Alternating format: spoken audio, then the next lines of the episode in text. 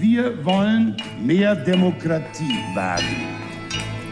Heute sehen wir uns die CDU an, auch ein bisschen SPD und ein bisschen AfD, aber primär sehen wir uns die CDU, die CDU, die CDU.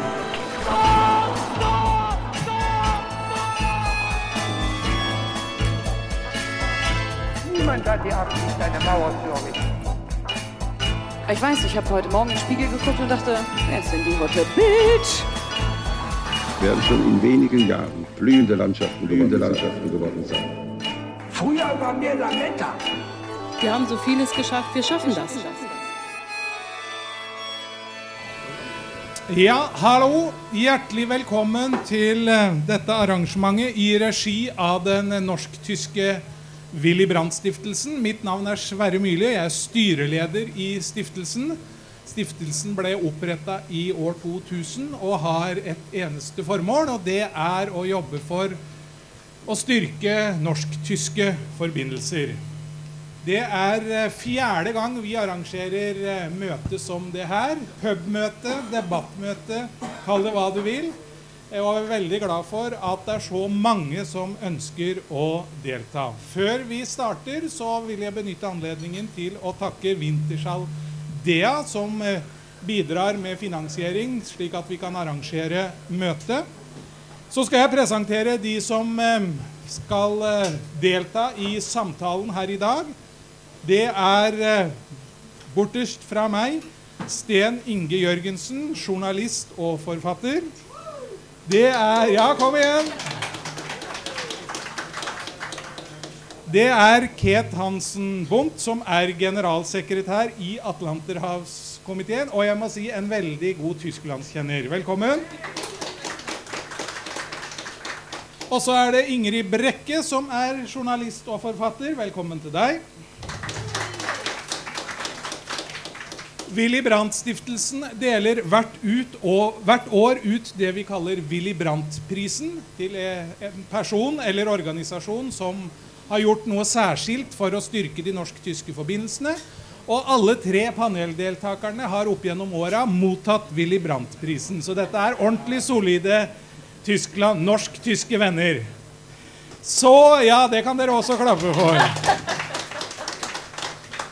Vi skal holde på her en uh, liten uh, time. Det er jo litt sånn smittevernhensyn og litt sånn som gjør at det er litt mer eh, vanskelig å organisere dette, men det ser ut som det går rimelig bra. Og så går dere sjølsagt og bestiller drikke og koser dere underveis i samtalen vår.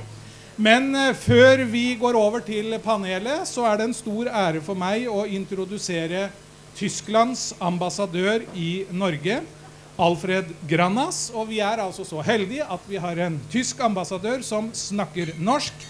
Så Alfred, ordet er ditt. Du skal nå si litt ut ifra ditt eh, ståsted. Du skal slippe å uttale deg om eh, de politiske diskusjonene og hvordan det går i Tyskland. Men eh, vi har utfordra deg til å si litt om situasjonen i Tyskland nå, og hvordan eventuelt en ny regjering vil Ja, ny regjering blir det jo uansett.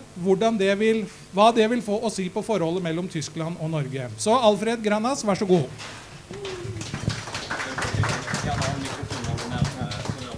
Sverre, tusen takk. Ja, ehm, jeg ja, skal si ord om situasjonen. Og, det, det, og jeg har lyst til å begynne med at uh, dette valget som vi skal ha nå i Tyskland om det, seks uker, er den mest interessante og spennende som vi har hatt i lenge. fordi at eh, Ikke bare at vi er, får en ny kansler, men også den konstellasjonen som vi har nå, er slik at alt, alle som snakker om mest sannsynlig resultat, og, og det blir, ja, den blir kansler, dette er den kollisjonen som vi har, skal kanskje ta den, en terapi mot skråsikkerhet som eh, en, en kjent avis uh, reklamerer for i, i TV. fordi at det, ingenting er sikkert. Og for å begynne med så har vi nå en situasjon hvis man tar um, sånn uh, gjennomsnitt av alle meningsmålingene, de siste meningsmålingene, så er det slik at uh, mest, mest, sannsynligvis vi skal ikke ha Og det er ikke mulig å forme, å forme en, to, en topartikoalisjon. Så det er relativt sikkert at man kanskje man trenger tre partier. Så det er um, Og alt som uh, blir sagt før, og for, for to måneder siden, halvannen måned siden at eh, det vil bli sikkert en sånn så, såkalt svart-grønn koalisjon. Ikke noe flertall i meningsmålinger akkurat nå. Så um, hvis man skal si hva er, og hva kan skje mye Det er trepartikoalisjon som er mulig. Um, det er uh, en koalisjon um, som uh, folk kaller for Deutschland-koalisjon, fordi uh, fargene til partiene er litt sånn gjentakelse av vårt nasjonalslag. Det er CDU-CSO med SPD og FDP. Vanskelig å se at uh, SPD går inn i koalisjon med CDU-CSU en gang til. Og i tillegg med FDP, som gjør det enda vanskeligere for dem å få gjennomslag for, uh, for sine, sine, saker. Um, og den, nå, neste, vi, en mulighet er den såkalte trafikklyskoalisjonen uh, mellom Grønne, SPD og FDP, og SPD, Grønne og FDP, fordi da kommer vi inn i neste usikkerhet. Eh, for å si det sånn, for også to måneder siden har mange sagt, erklært det en vits at eh, SPD stiller med kanslerkandidat. Fordi de var fastlåst rundt 15-16% Nå ser det ut som at eh, den som folk ja, som de fleste i Tyskland, og de fleste, men han er langt foran i dette hvem folk skulle velge til kansleren, kunne de, kunne de gjøre det direkte. Det går ikke. Kansler blir valgt av parlamentet, men som sagt, det er Olaf Scholz. Og han har altså SPDs kanslerkandidat. Og han har også trukket opp partiet sitt litt, så de er nå akkurat nå relativt jevnt med De grønne. Og skulle de gå inn i koalisjon, så er det avgjørende hvem av disse partiene er, er sterkere, som får lov å, å stille med kansleren. Så, å stille kansleren. En annen mulighet som alltid fins, er en som har blitt prøvd før. og like, og lyktes ikke å framforhandle det, den såkalte Jamaica-koalisjonen. Igjen flagg, fargene i flagget til Jamaica, som er CDU, CSU, De Grønne og FDP. Um, også flertall, også en mulighet. Da er det avhengig av Hvis disse konstellasjonene er mulige, er det avhengig av hva de, de grønne vil ha. Om de vil helst gå inn med SPD og FDP, eller helst med CDU, CS og FDP.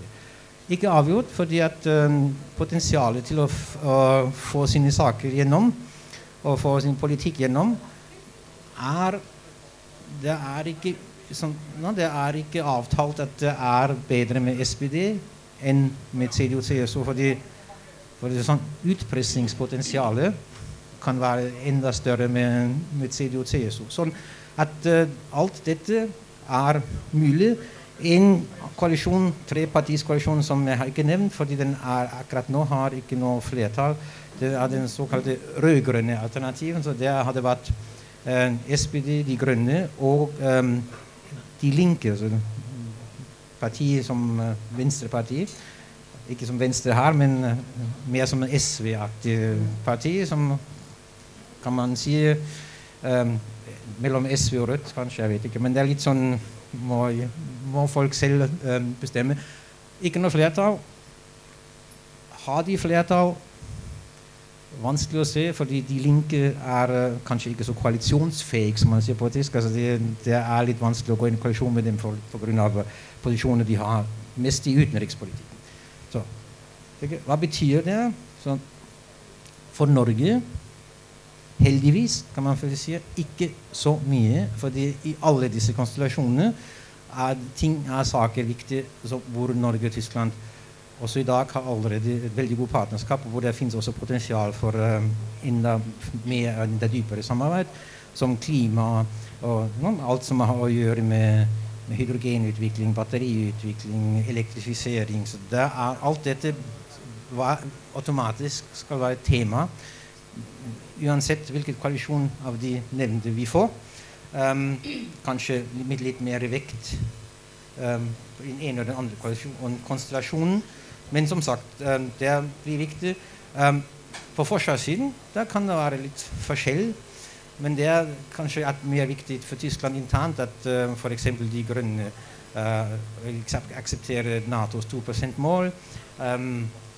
I SPD er det en diskusjon, så da kan det ta en litt betydning.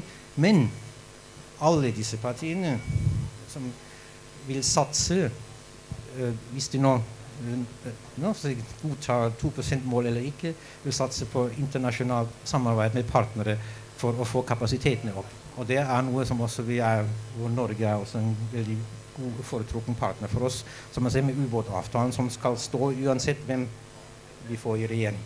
Så det er bare to eksempler, så det betyr kanskje ikke så mye for Norge, for Tyskland og for uh, det som i samfunnet organiseres.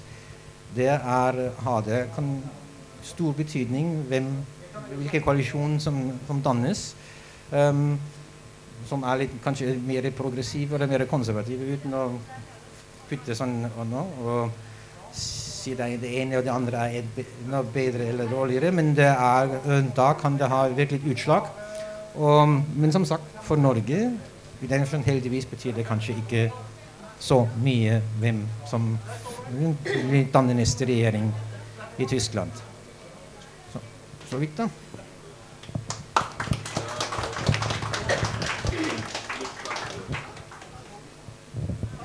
Tusen takk til eh, ambassadør eh, Granas. Det var jo betryggende at eh, de norsk-tyske, den gode norsk-tyske samarbeidet det kommer til å fortsette uansett.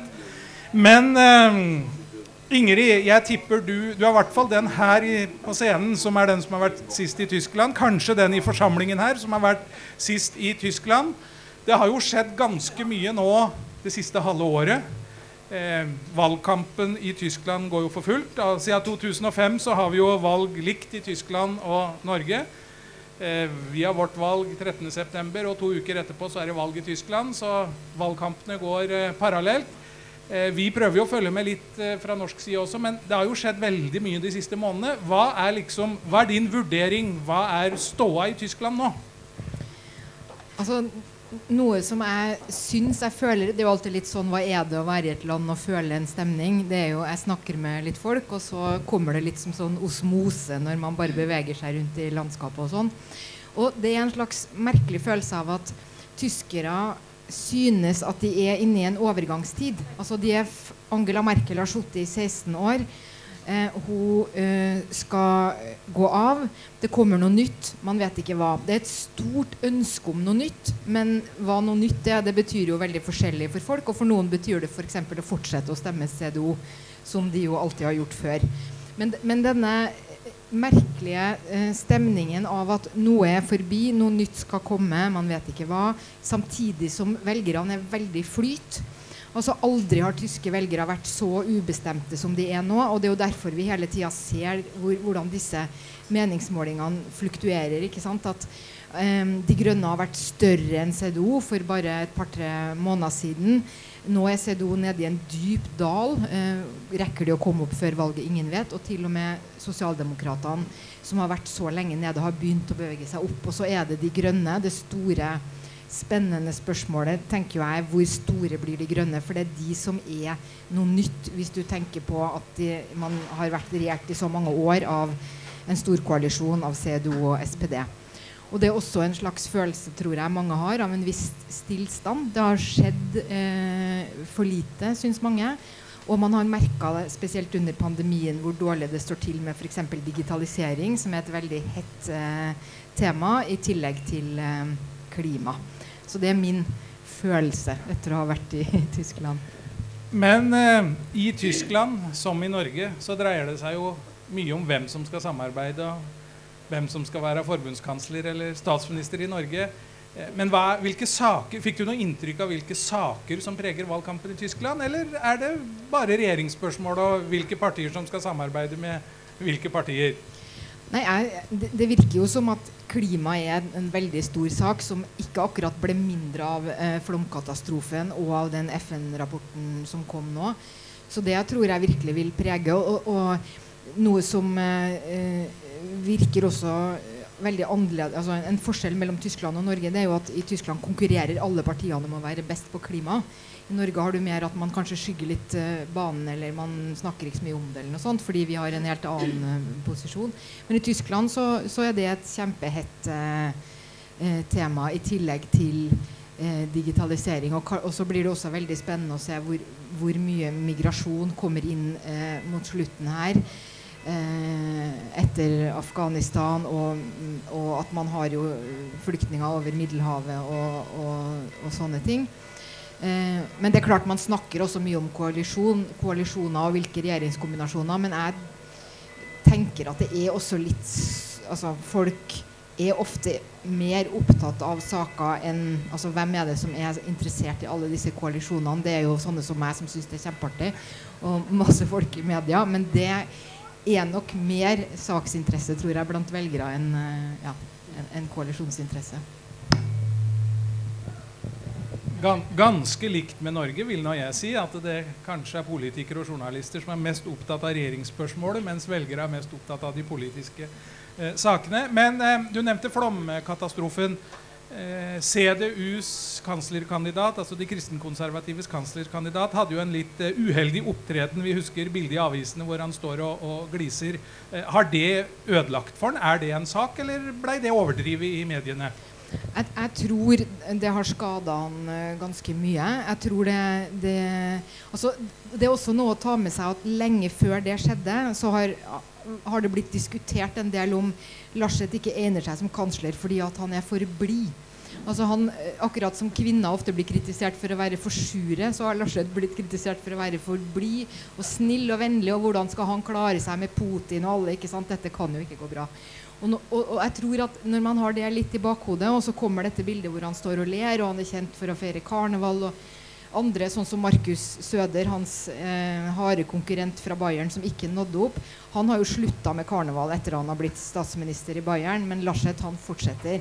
Så det henger noe ved han rundt dette som gjør at jeg tror at den eh, eh, latterepisoden sitter ganske hardt, i tillegg til at han også gjorde en sånn runde hos velgerne eh, etter flommen. Det er jo den delstaten han selv har styrt, så han har jo man kan jo også diskutere hvor stort ansvar har han for at uh, advarselsystemet ikke fungerte som det skulle. Og så kommer det ut en masse pressebilder hvor han står i strirein og blir skjelt ut ikke sant, på sted etter sted. Og det gjør seg heller ikke. Så, og særlig når du skal etterfølge en som Merkel, som har som sitt store renommé å være en krisehåndterer, og så kommer det noen som ikke ser ut til å kunne håndtere den første krisen han møter som, som kanslerkandidat. da. Ja, takk for det. Vi går videre. Kate, jeg husker da vi var her for to år siden, så prata vi mye om eh, hvem som skulle etterfølge Merkel i CDO som kanslerkandidat. Eh, du hadde også dine vurderinger av det. Og gikk det som du trodde? Altså, hvordan har utviklinga vært? Det er jo to år siden vi var her nå. Er det noe som har overraska deg på de to åra siden vi hadde debatt sist, eller er dette sånn som du regna med at det skulle gå? Jeg vil si Det som fascinerer meg med denne valgkampen, er at den er veldig personfokusert. Tyske valgkamper har ikke vanlig, vært personfokusert. Så disse kanslerkandidatene Det er tre partier som stiller kanslerkandidat. Det er litt annerledes enn tidligere. Men så skal vi ikke glemme at 80% av tyske velgere befinner seg i sentrum av det politiske spektrum. De velger seg partier som er trygge, godt forankret i det politiske sentrum, være seg SPD eller CDU. Og eh, de har jo samarbeidet i tre perioder av Merkels eh, fire regjeringsperioder. Så har hun sittet og samarbeidet med sin tradisjonelle partipolitiske motstander. Det er som om Høyre og Arbeiderpartiet skulle sittet sammen i tolv år i Norge. Det har skapt en ny dynamikk, og som Ingrid sier, velgerne er litt på vandring. De ønsker seg noe nytt. Hun har sittet der, altså hun har vært valgt fire ganger. Dere er i valgkamp. Eh, Dere vinner kanskje Arbeiderpartiet den gangen. Kanskje fordi folk er lei av Erna Solberg etter åtte år. Det å bli valgt fire ganger, det er en kjempebedrift. Det er nesten ingen som blir det i demokratiske land, hvor du velges vekk etter fire år. Og det er viktig. Men tyskerne ønsker seg et sentrum. De ønsker seg stabilitet. Når vi var her for to år siden, så var det Annegrit Kramp-Karrenbauer som var eh, den kommende stjernen i tysk politikk som Merkel på en måte hadde utsett sitt sin etterfølger. Hun eh, falt for de høyrepopulistiske grep i Øst-Tyskland, må man nesten si, eller den østlige delen av Tyskland, og klarte ikke det lederskapet i CDU. Så har man fått tre kanslerkandidater som egentlig er ganske upopulære alle sammen. Og det syns jeg er fascinerende. Når Olaf Scholz, som har vært visekansler, han er finansminister, han er en veldig sånn streng, seriøs uh, tysk politiker uten spesielt stor karisma, han seiler opp som den virkelige stjernen nå. Fordi Armen Laschet har stått og ledd litt sånn bak i teltene under flomkatastrofen, og fordi Anna-Lena Baerbock, som jo var den store stjernen for to måneder siden Altså De Grønnes kandidat. De Grønnes kandidat har triksa og fiksa litt med CV-en og gjort litt andre ting som tyskere ikke er spesielt begeistret for. Så eh, dette kunne vi ikke forutse for to år siden, for vi kjente ikke det persongalleriet. Trikse med CV-en, det skal du ikke gjøre i Tyskland. Da går det deg ille. Men, men tror du Det var jo en ganske tøff intern runde i CDU før de ble enige. Eller enige ble de vel for så vidt ikke, men før de fant fram til kanslerkandidat. Har det svekka CDO, tror du? Det tror jeg det har gjort. Fordi uh, det har vært interne stridigheter, og fortsatt sier enkelte eh, tillitsvalgte i Kristeligdemokratene at de ønsker seg Markus Søder, altså Bayern, eh, eh, kandidat som, som, kanslerkandidat fordi Armin Laschet nå gjør det så dårlig. Og jeg tror den krangelen de hadde på begynnelsen av året, svekket CDU. Eh, fordi det skapte mistillit til at dette var den beste kandidaten. Det svekket han. Sten Inge, hvordan vurderer du situasjonen?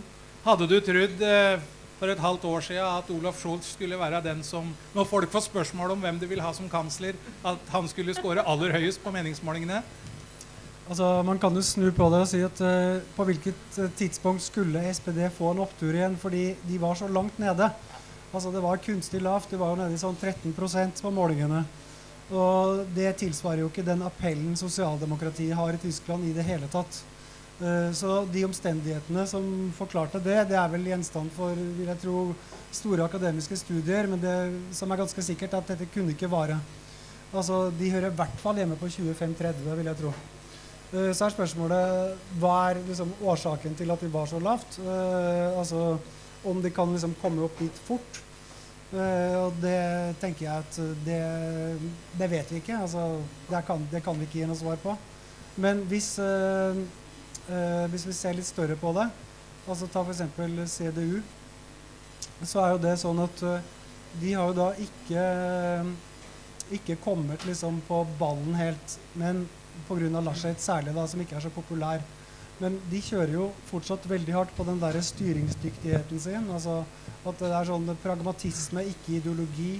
Vi har et altså, fantastisk 140 siders partiprogram som er liksom veldig flott og gjennomarbeida. Og det er og det er først innenriks på side 31. Altså de første 31 sidene er utenriks. Altså det er sånn, Hvordan sikre på en måte den tyske samfunnsmodellen i verden, Tyskland i verden. Det er liksom det store. altså Sikre den internasjonale rettsorden. Sånne ting. Uh, og så har du uh, da De Grønne og Sosialdemokratene, som jeg tror er en interessant kombinasjon i år. fordi begge har to saker som egentlig er litt viktige. Uh, eller den ene ikke bare litt. Altså Minstelønna skal opp, eh, det er de enige om, til 12 euro. Den er på 9,60. Og det gjelder faktisk 10 millioner tyskere. Det er en inntektsøkning på 20% i så fall. For 10 millioner. Det er en stor sak, og det kan du regne med at går igjennom. Så alle partier er enige om det? Nei, De Grønne og SPD er enige. Ja, Men da kan man tenke seg at i en koalisjon, da, det samme hvordan den blir, så vil i hvert fall minstelønna gå kraftig opp. Men blir det SPD og De Grønne sammen, som det med stor sannsynlighet også kan bli, da, så øh, vil den gå opp. Uh, og så er det på miljøfeltet. altså SPD styrker miljøprofilen sin. Uh, det har også betydning. Og nå er de også tatt inn i partiprogrammet at man skal ikke kjøre fortere enn 130 km i timen på autobahn. Og så er det ene med De Grønne. Så nå, det må være oppfordring til alle i salen her at hvis dere vil kjøre fort i bil, så er det nå dere må skynde dere nedover. Ja. Vel, som transportpolitiker så er jeg litt usikker på om vi skal eh, oppfordre til det. Men eh, Sten Inge, i bøkene dine så er jo du ja, du er opptatt av veldig mye, men du har skrevet mye om det her med forskjellene mellom øst og vest. Du har skrevet mye om miljødiskusjonen. Eh, diskusjonen om eh, fornybar energi, jernbanesatsinga i Tyskland. Er dette spørsmål som preger valgkampen? Er dette temaer som er på dagsorden? Har du inntrykk av det? Ja, det er, det er på dagsordenen, men eh, jeg syns nok også at uh, bortsett fra den flommen, og at det kom opp litt igjen da, så har dette vært en ekstremt personfokusert uh, valgkamp. og det er da tabbene til enkeltpolitikere, og det at det var en, liksom en annen kandidat var mer populær. Det er jo ikke bare i CDU med, med Søder, men det er også i De Grønne. Altså Mange tenker jo at hvis de hadde valgt Habek i stedet for Baerbock, så ville De Grønne ha vunnet lett. Så dette har prega altfor mye, syns jeg, av den tyske valgkampen. Ket, eh, jeg går tilbake til deg. Eh, nå hørte vi jo de uh, ulike mulighetene, i hvert fall fra ambassadørens vurdering. Hva vil de ulike alternativene ha å si for Tysklands internasjonale rolle? Altså Tysklands rolle i EU, Tysklands rolle i Nato, samarbeidet med Norge og øvrige land. Er det, er det likt alle? Vil det bli noen forskjeller? Ser du noen forskjeller mellom de ulike alternativene? Ja og nei. Eh, jeg tenker at uh, det er visse variasjoner i oppfatningen av hvordan man skal håndtere Russland og Kina. Hvor mye vekt man skal legge på menneskerettigheter, ytringsfrihet, i forhold til den tyske eksportindustriens behov for markeder og produksjonsområder, som jo Merkel har vært flink til å sikre i Kina. De grønne er mye mer tilbøyelig til å um, legge fokus på menneskerettigheter og stramme inn politikken overfor Russland og Kina. Autoritære regimer, som Anna-Lena Baerbock rett og slett sier de er. Og også internt i EU vil det være et spørsmål som helt sikkert kommer opp hvis du får de grønne i regjering. Utviklingen i Ungarn, Polen, som Ingrid kan mye om.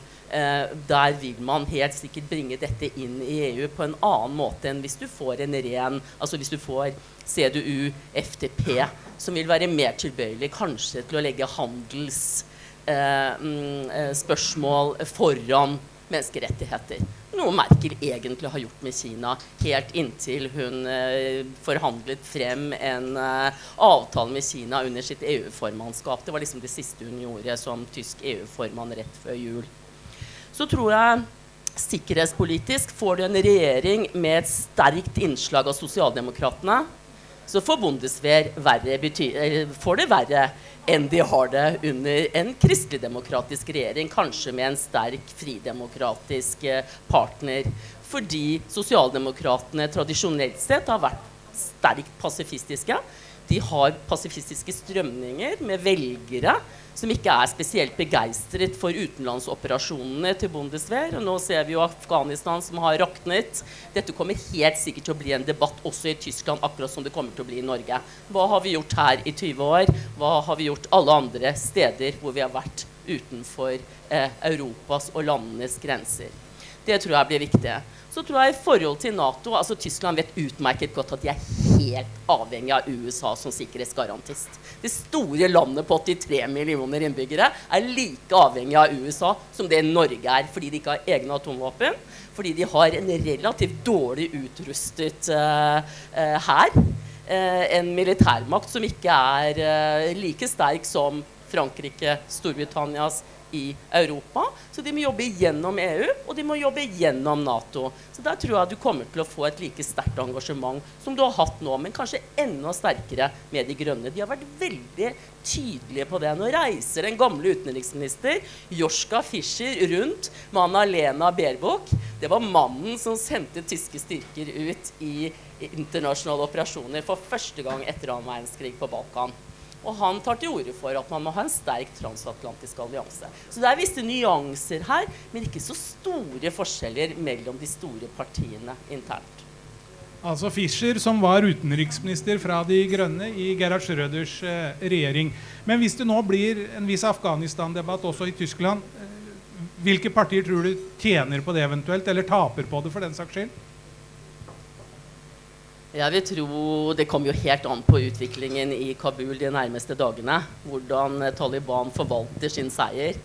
Eh, men jeg tror du vil få en diskusjon om utenlandsoperasjoner. Om, eh, og det tror jeg kanskje vil styrke de som mener at man skal være tilbakeholdne med det. Og da vil det styrke sosialdemokratene i større grad enn de andre partiene, tror jeg. Men jeg tror det kommer til å bli en ærlig debatt, sånn som jeg tror man må ha i alle landene. Eh, så om det er noe partipolitisk å vinne, det er jo vanskelig å si, tror jeg. Men at det kommer en debatt, det tror jeg det gjør. Bra. Hvis noen har eh, spørsmål, så er det mulighet for det. Da gir de et signal til meg, og så kommer de hit, for de må prate i mikrofon. Så korte spørsmål, jeg understreker det, korte spørsmål er mulig å stille. Ja, jeg ser dere. Jeg skal bare ta et par spørsmål til. Ingrid, du har um, vært mye i Polen i det siste. Du har skrevet mye om Polen. Eh, kan du si litt om åssen du vurderer forholdet mellom Tyskland og Polen, men forholdet mellom Tyskland og de andre nabolandene også, er det noe som preger valgkampen? Er det noe som, og kan det eventuelt bli noen endringer i det hvis vi får ja, Ny regjering vil vi jo få uansett, men er det noe som preger valgkampen? Altså Det som preger valgkampen, det er jo selvfølgelig eh, hvordan skal man holde Europa samla, og det at Tyskland fortsetter å se seg selv som den som har det som sin primære oppgave i verden omtrent. Sånn at sånn sett så diskuterer man jo mye Europa. Man er jo veldig urolig for det franske valget. Hva skal skje da? Kommer Marine Le Pen til makta? Eh, eh, når det gjelder eh, Polen, så eh, har Tyskland valgt å kjøre alt som har med Polen å gjøre, gjennom Brussel og legge det på EU, fordi at de eh, ikke har lyst til å ha et uh, dårlig bilateralt forhold til uh, sin nærmeste nabo, ikke minst av uh, historiske grunner. Og det er også sånn som det er ikke noe stort tema, det, altså, men, det, men jeg personlig er ganske spent på hvis De Grønne får mye innflytelse, om det vil forandre seg. Om de vil ha mer behov for å bli mer bilaterale i disse naboforholdene, eh, og, og, også når det gjelder Ungarn, eller om de vil fortsette å kjøre denne veldig lave eh, linja i Europa og sier at alt dette må EU ta. Interessant. Da hadde vi et par spørsmål. Kommer du fram her, så skal du få mikrofon. Kort spørsmål. Si navnet ditt, og så spørsmålet. Thomas heter jeg, og jeg vil gjerne takke debattantene og ambassadøren for mange gode poeng. Jeg har et langt spørsmål. Beklager. Uh, først og fremst, hvor, hvorfor skal man ta det for gitt at tyskerne går igjen for det de hadde i 16 år? Ja, de er trofaste, og de har masse tillit til en sittende kansler. Det har vi sett før, men nå er det skiftet som ble pekt ut. Og hvorfor skal man ikke se en, en, en, en riktig, en, en fundamental veksel i Tyskland nå, særlig om det egentlig omhandler fordelingsspørsmål, som ble også pekt ut. Minstelønn. Det er viktig i Tyskland. Vi har, vi har korona, vi har migrasjon, vi har klima, vi har alt dette. Men til syvende og sist gjelder det hva vi har, vi har, fattigdom i Tyskland. Ja? Så, så, så jeg, vil, jeg, vil, tenke at det kan spille en rolle. Og så kommer jeg egentlig til min spørsmål. Hvilket signal vil en, en maktskifte i Tyskland sette for Europa? Vi, vi, har sett over hele Europa en dominans av konservative krefter i de siste 10-15 år kan det være en progressiv skifte, en generasjonsskifte, uh, som Tyskland, Tyskland, leder på en, på en, måte eller en annen. Beklager at det var altfor langt. Det går bra, og det spørsmålet skal faktisk du få svare på, Sten Inge. Jeg tror eh, valgresultatet i Tyskland kan få veldig stor betydning for hele Europa hvis De grønne blir størst. Eller hvis de blir så store at de får tungt gjennomslag. Uh, det er fordi at De Grønne er det mest europeiske partiet av alle. og Det var jo også under siste europaparlamentsvalget. De stilte pan-europeiske lister altså som reflekterer det. Uh, men de, uh, valgprogrammet deres handler veldig mye om saker som bare kan realiseres i Europa. Og deres bekymring over spesielt av situasjonen i Polen og Ungarn, men også autoritære regimer som Russland og Kina, det er noe som er høyt oppe på deres agenda. Og jeg tror Baerbock selv har vel også studert internasjonale eh, rettsvitenskaper. og sånt. Altså Hun har til og med en sånn akademisk grad innenfor med litt den bakgrunnen. da. Så jeg tror dette er, uh, tror dette er kjempeviktig for de, og jeg tror at dette er noe som de også vil da være nødt til å levere på. Fordi hvis det blir Laschet som blir da kansler, så er jo Han er jo, regnes jo ofte for å være litt mer europavenn enn det Merkel var, fordi han er vokst opp ikke sant, i vest, uh, og fordi han har pleier veldig nært forhold til Frankrike osv. Men det har ikke vært lett å få øye på i praksis hva, liksom, hva det gjelder altså po type posisjoner. altså Hva slags saker vil han egentlig føre annerledes. Og han har jo tvert imot vist faktisk litt forståelse for Polen og Ungarn og ment at vi må ha litt tålmodighet med det og sånn. Uh, så uh, jeg tror at det, er, uh, det kan ha stor betydning hvis De grønne blir sterke. Men hvis ikke, så tror jeg nok det blir litt mer som før. Ket, vær så god. Jo, jeg tenker sånn mer europavennlig enn Merkel. Jeg tenker at det er kanskje nyttig å si Merkel kom til makten i 2005. Hun fikk altså en haug av kriser på sitt skrivebord. Og jeg vil si hun har vært ganske europavennlig i den forståelsen av at hun har taklet disse krisene ettersom de har kommet. Og det tror jeg eh, Ikke sant? Dere husker det all. Eurokrise flyktningkrise, Russland annekterer Krim, pandemi, Trumps valg, brexit. Altså Det er noe du skal håndtere som tysk kansler. Og sånn sett så er vel kanskje arven etter Merkel at hun har eh, opprettholdt stabilitet også i Europa. Og det tror jeg også den neste tyske regjeringen kommer til å bli målt på. Du vet ikke hvilke konflikter eller kriser som dukker opp på bordet til en Anna-Lena Baerbock eller en regjering som sitter i Berlin. Og Det er det som er så unikt med Tyskland. De er midt i Europa. De er den sterkeste økonomien, den største befolkningen. De kan ikke unnslippe å ta en lederrolle i Europa pga. sin demografi og sin økonomi. Og det er, eh, det er liksom uansett hvem som blir sittende i kanslerant. Men jeg er enig med Sten Inge at jeg tror de grønne altså Det vil være andre farger som, altså Det vil være andre spørsmål som preger eh, politikken. Selvsagt et mye større eh, vekt på klimaspørsmålet. Eh, kanskje mer også samarbeid med Frankrike. Men det gjenstår å se hvem som blir president i Frankrike neste år. Ja, det var det òg. Vi burde jo nesten hatt et møte om det òg. Ingrid, har du noe du vil eh, legge til? Nei, jeg kan bare, eh, Det er en litt betraktning litt sånn på sida, kanskje. Men eh, noe som også er veldig spennende med dette, hvor store blir de grønne, er jo at demografien i Tyskland er så spesiell. Det er det eh, eldste landet i Europa som er høyest gjennomsnittsalder.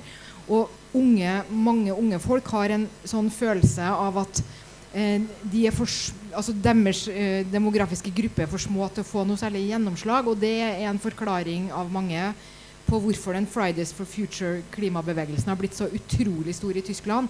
Og jeg tror at hvis De grønne får større innflytelse, det er de som har de yngste velgerne, så vil man også få en sånn forfriskningsfølelse som går gjennom hele, og som kanskje også er litt sånn europeisk i, sin, i, sin smitt, eh, i, i, sitt, en slags sånn nettverksfølelse. At det kommer noe nytt, og, de, og nå tenker vi litt annerledes, og de unge får mer de skulle ha sagt og sånne ting. Takk skal du ha. Jeg har en til som jeg har sett som har bedt om spørsmål. Nå, går, tida går fort i trivelige lag. Vi er snart ferdige om å runde av. Så hvis det er noen mer spørsmål, så må de gi signal om det nå ganske så raskt. Men nå skal du få ordet. Du sier navnet ditt først, og så et kort spørsmål. Ja.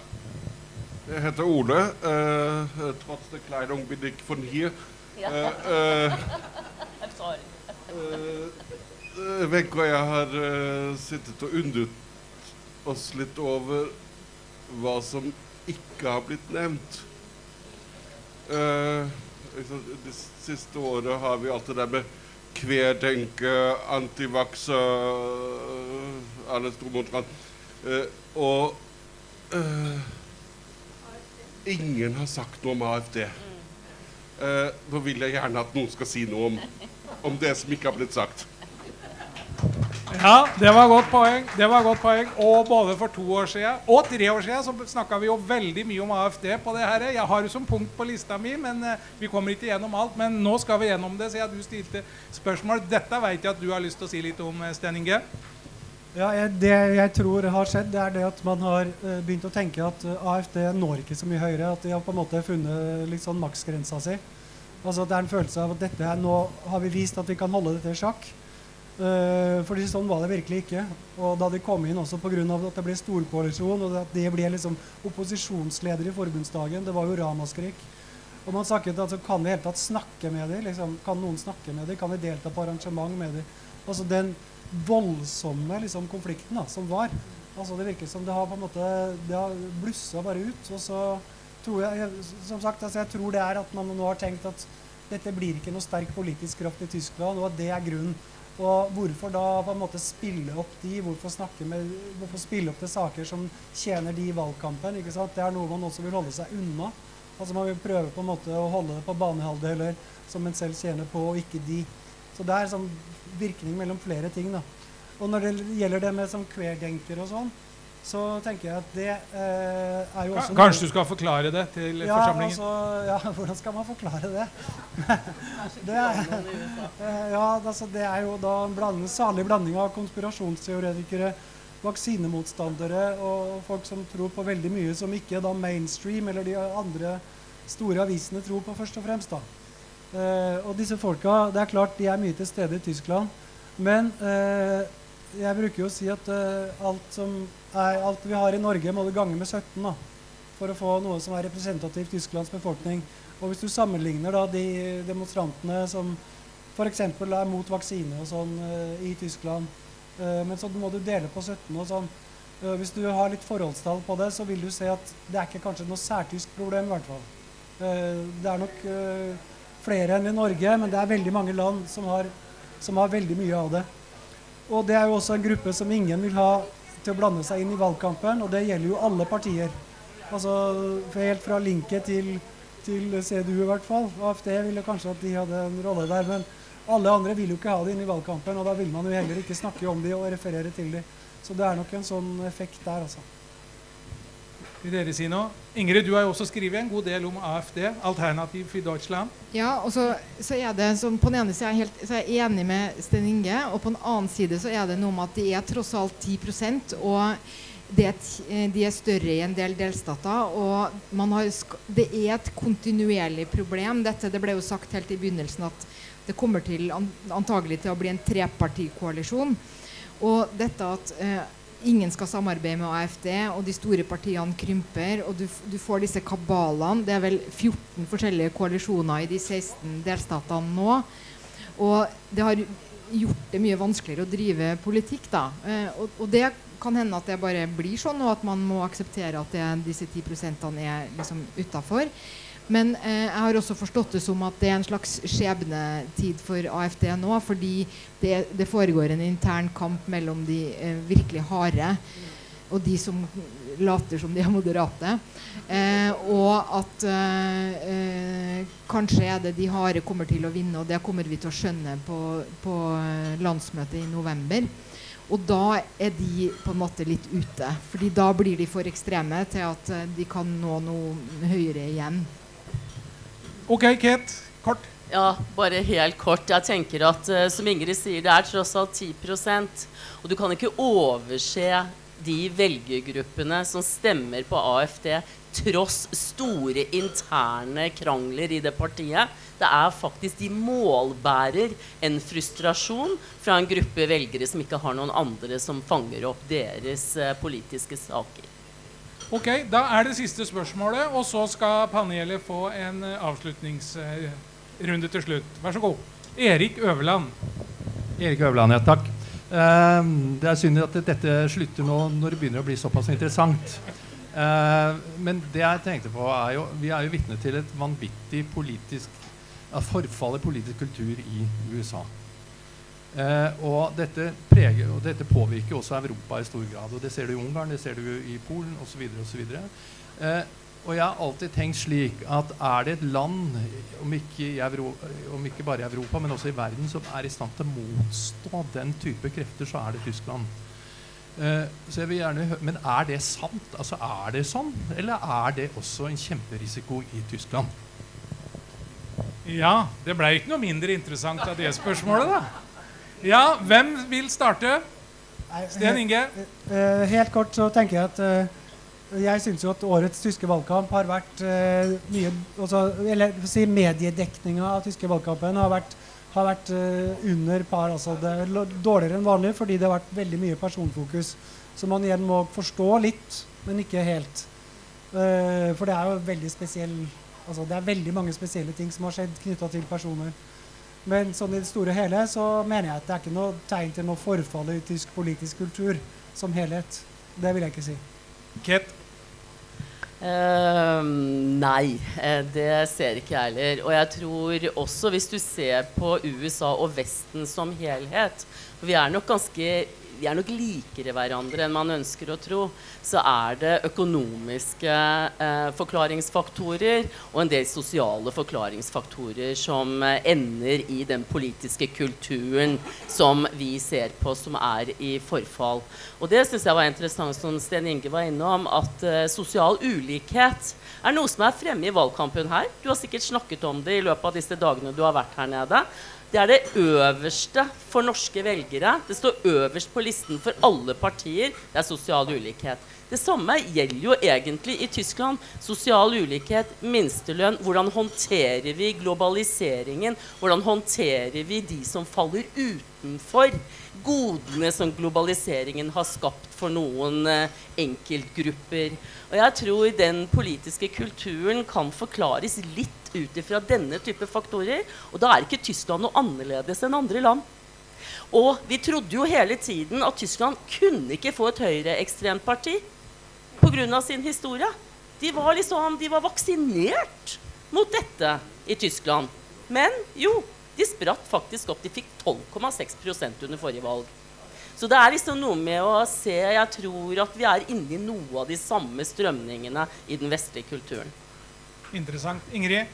Ja, jeg jeg syns jo det er spesielt eh, spennende nå å se på den grensa mellom CDU og AFD. fordi at det er jo der det rakna i USA. og det, det er jo der altså Jeg ser alltid for meg at den store kampen mellom de liberale og de autoritære kreftene nå foregår der ute eh, på høyrefløyen mellom de normale eh, høyrepartiene og de farlige høyrepartiene. da, eller ja og, og der har jo CDO satt opp en brannmur som virker høy og trygg. Og likevel, når du begynner å se litt nærmere, så bobler det litt sånn både her og både der. Og hvis de gjør det skikkelig dårlig fremover, og så blir det kanskje splittelser, eller hvem vet hva, og også at, man, at det er nettopp det der med at det er så personavhengig valgkamp nå, det er også en sånn trend i tiden. Og man ser hvordan i mange land disse politiske bevegelsene eh, kommer rundt eh, ledere av hva Kurz har gjort i Østerrike, Macron og alt det der. Og det er også helt enig med, med Kate, dette at Tyskland er ikke så annerledes enn andre som den var før. Og samtidig er det sånn at hver gang jeg begynner å tvile på dette, og stiller meg selv det spørsmålet som blir stilt nå, så ender jeg med at nei, Tyskland faller aldri. Veldig kort, eh, Sten Inge. Veldig kort, En sånn liten trøst. da. Det var, det var en sånn eh, debatt knytta til om det hadde blitt sånn negativ campaigning eller sånn skittkasting i valgkampen. Og Det var etter at SPD hadde lagd en eh, reklamefilm hvor eh, CDUs kanslerkandidat Laschet var en sånn matrosjka-dukke, sånn russisk dukker, vet du, som det er en inni og inni. Og så var det sånn, Stemmer du på denne mannen, så får du bl.a. Friedrich Merz, som var liksom eh, næringslivets mann. Og så får du han, Masen, han som var leder for Verfassungsschutz, som vil dra partiet langt til høyre. Og plutselig inni der så kom det også en sånn eh, ganske nær alliert av, av Laschet, som er en sånn veldig konservativ katolikk. Og da kan du til og med få en konservativ katolikk som er mot sex før ekteskapet. Og da ble det et rabalder både i media og blant andre som mente at dette var langt, og, langt over streken å angripe noen for deres religion. Så det, det, det holdes også litt i tømmene. Du verden. Det var noen tips til norsk valgkamp her. Men da skal vi takke panelet. Men nei, dere skal få ett spørsmål fra meg nå. Og nå skal, jeg, nå skal jeg spørre om hvem dere tror blir neste tyske forbundskansler. Jeg, jeg spør ikke om hvem dere ønsker eller mener eller holder med, eller noe sånt noe. Men hvis dere nå fikk 1000 kroner av meg, og så skulle dere spille på oddsen og skulle satse på den dere tror blir Tysklands neste forbundskansler, hvem hadde du satsa på da? Sten Inge? Nei, jeg satser på Laschet. Ket? Ja, det blir nok Laschet. Ingrid? Ja, det, ja. Hør Der, ja. Der var i hvert fall enige om det. Da skal jeg gi ordet til eh, den herren her. Ambassadøren skal slippe å uttale seg om både politiske spørsmål og pengespill. Vær så god. Ja, Takk for det, Sverre. Jeg har gleden av å kunne avslutte og avrunde her med en liten gave. Den har ambassadør Alfred fått og lest grundig fra før. Eh, Det er en bok som handler om de kulturelle båndene mellom Tyskland og Norge gjennom ganske lang tid. To liv, Zwei Leben, norsk-tyske filmforbindelser, redigert av Jan Erik Holst, tidligere direktør i Norske Filminstitutt, og med et forord av Liv Ullmann, som jo er relativt godt kjent både i Norge og Tyskland. Så jeg skal få ære å overrekke det til dere som et eksempel på de gode kulturelle båndene som det er mellom våre to land. Tusen takk, alle sammen. Og takk skal du ha. Takk til, eh, takk til paneldeltakerne. Takk til ambassadør Granas. Takk til Wintershall Dea, som altså har hjulpet oss med å få arrangert eh, arrangementet. Og takk til Barik, som eh, lar oss få komme hit eh, år etter år. Og takk til alle dere som kom. Vi møtes igjen neste år. Takk for nå.